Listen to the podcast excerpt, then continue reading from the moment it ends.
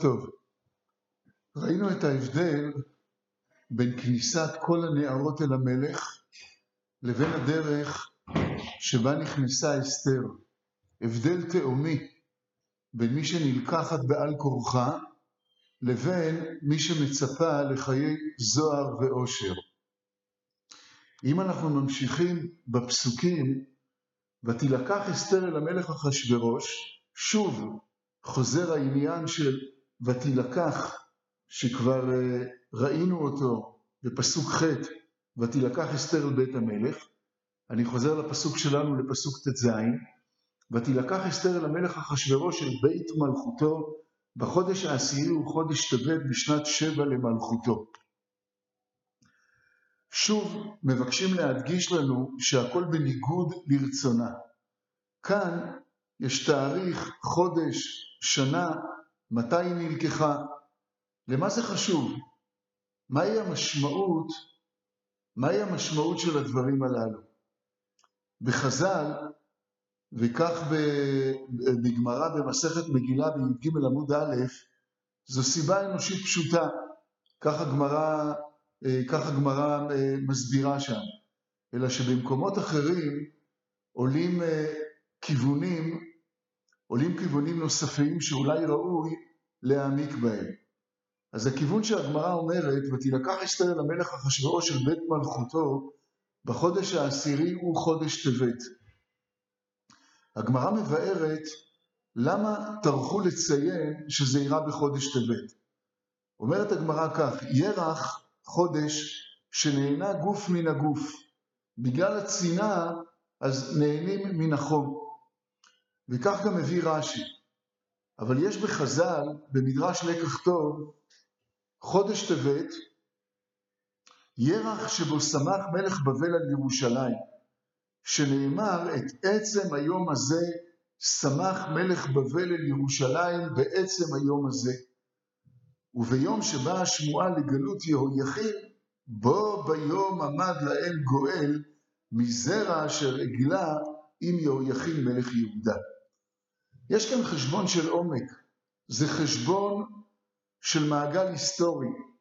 מכיוון שתחילת חורבן בית ראשון קשורה לחודש הזה, נעשית כאן פעולה ראשונה בכיוון של גאולה ובניין.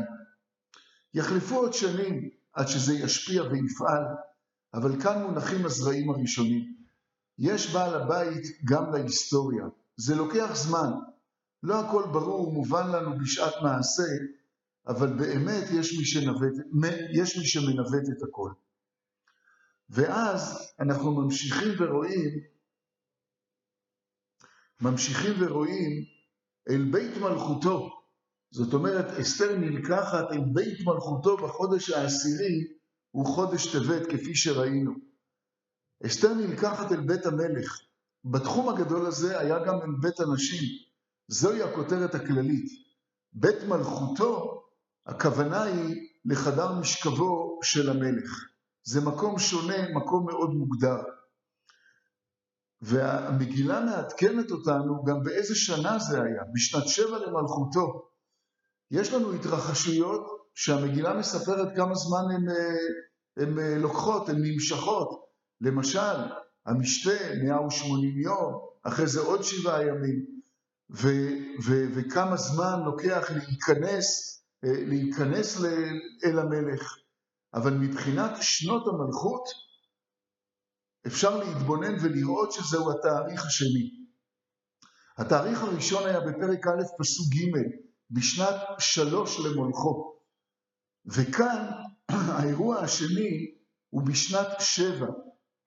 חלפו ארבע שנים. כל התהליך שאנחנו עוברים אותו ביעף, בקריאת המגילה, בליל פורים, בפורים בבוקר, כשאנחנו לומדים את המגילה, אבל כל, ה, כל המהלך הזה אה, מתרחש אה, במשך ארבע שנים, אה, ארבע שנים שבהם לא הייתה מלכה, עכשיו זה עומד להשתנות. קוראים את המגילה ברצף, ולנו ראוי לשים לב לפערי הזמנים. זה לימוד גדול. איך הקדוש ברוך הוא שוזר אירועים שונים ומצרף אותם לעניין אחד.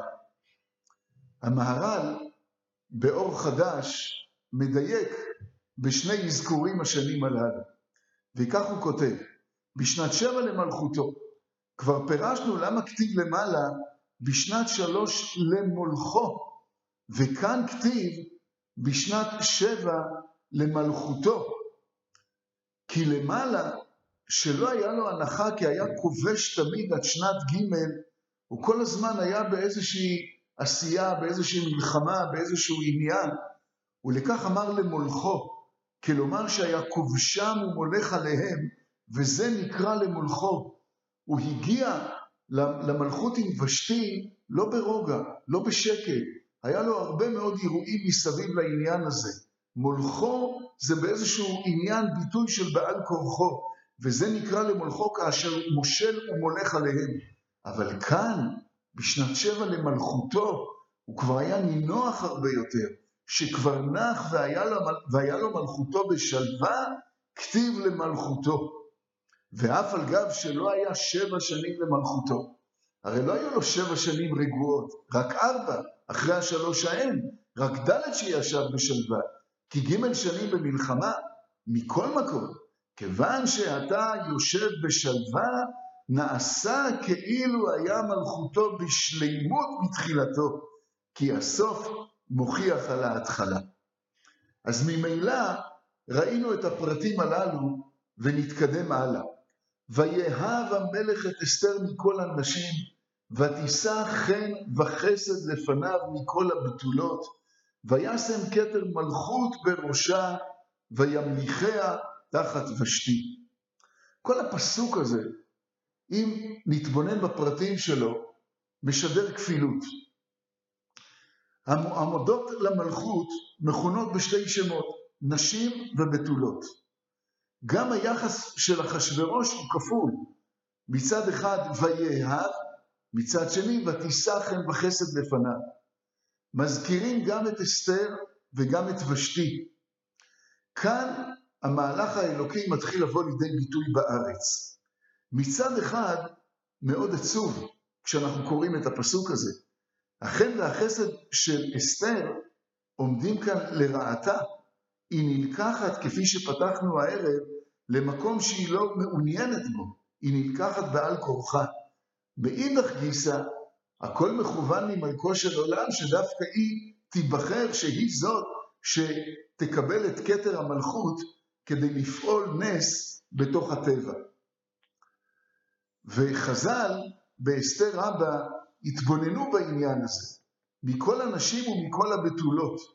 רבי חלבו אמר מלמד שאף הנשואות הביאו לפניו, ולכן אמר מכל הנשים, ומכל הבתולות שגם הם הביאו לפניו.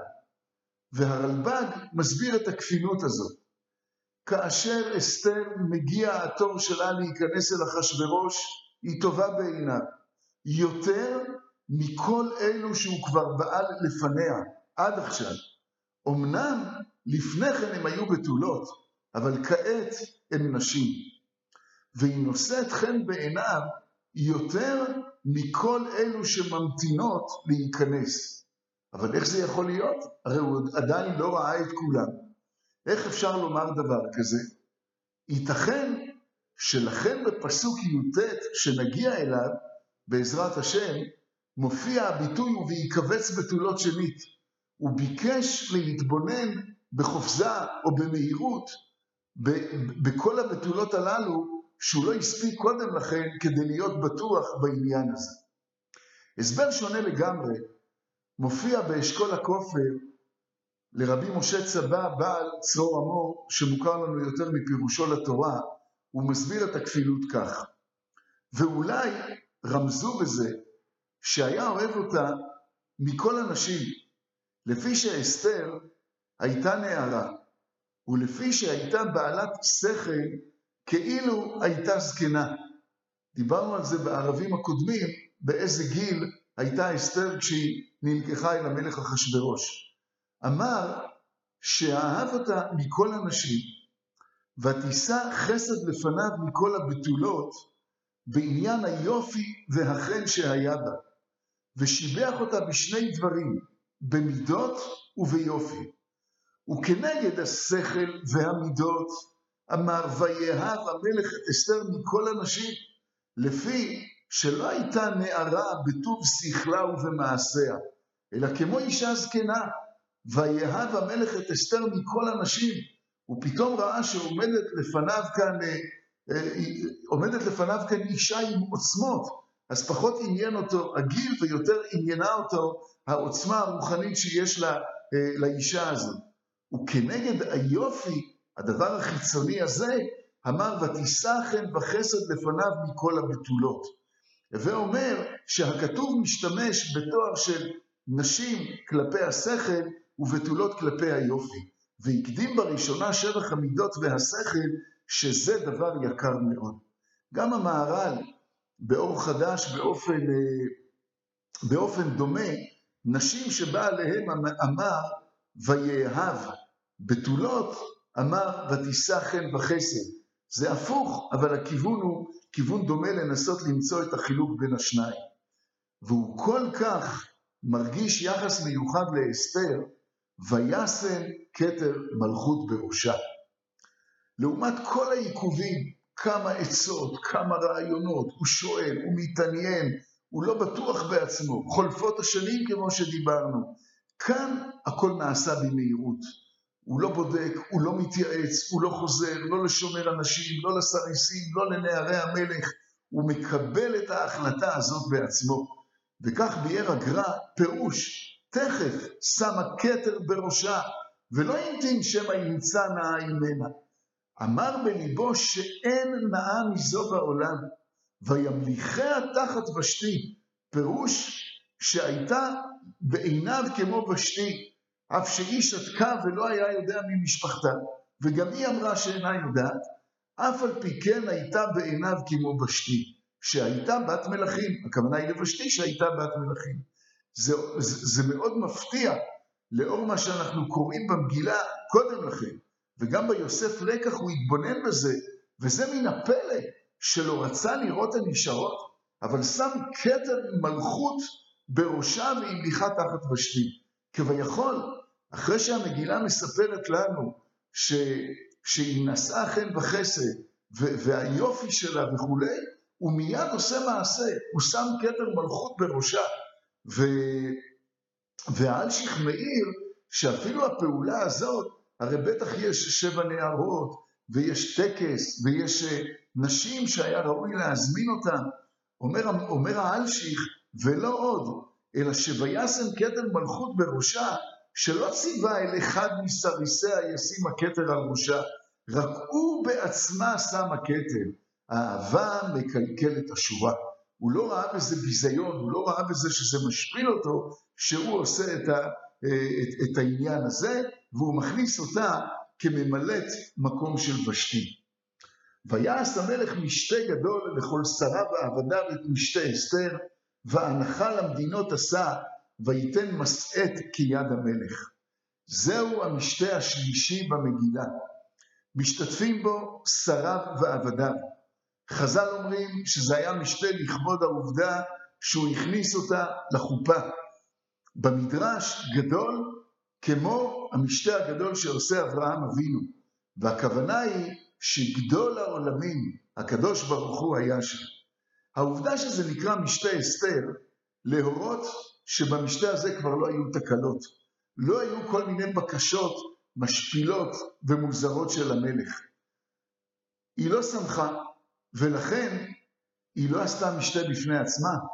התחלנו הערב את הלימוד שלנו ב- בלקיחה הזאת בעל כורחה, ולכן אין כאן ציון או עובדה או משהו שמספר לנו שהיא עשתה משהו בפני עצמה, הכל יחד, יחד עם אחשורוש. מה, ש... מה שהוא עשה אצל ושתי בהערותו את עושר כבוד מלכותו, בא לידי ביטוי כאן, הרי המלך הוא ממשיך להיות עשיר, איך הוא יראה לשרה ועבדיו שהוא עשיר ביום uh, הכנסתו את אסתר לארמון המלוכה? הוא עושה הנחה במיסים. והנחה למדינות עשה, וייתן מסעת כיד המלך. כך אנחנו מוצאים שוב אצל בעל צרור המור, שהקל מהם המס, מה שלא עשה במשתה ושתי. וכן מה ייתן מסעות ומתנות לשרי המדינות, לפי שהם לא היו פורעים מס, וזה כנגד מה שאמר למעלה, בהראותו את עושר כבוד מלכותו. כי במשתה ושתי לא נתן להם מתנות, אלא שהראה להם את עושר מלכותו. אבל בכאן עשה הנחה למדינות ונתן מתנות לשריו ועבדיו. ערב טוב ותודה רבה.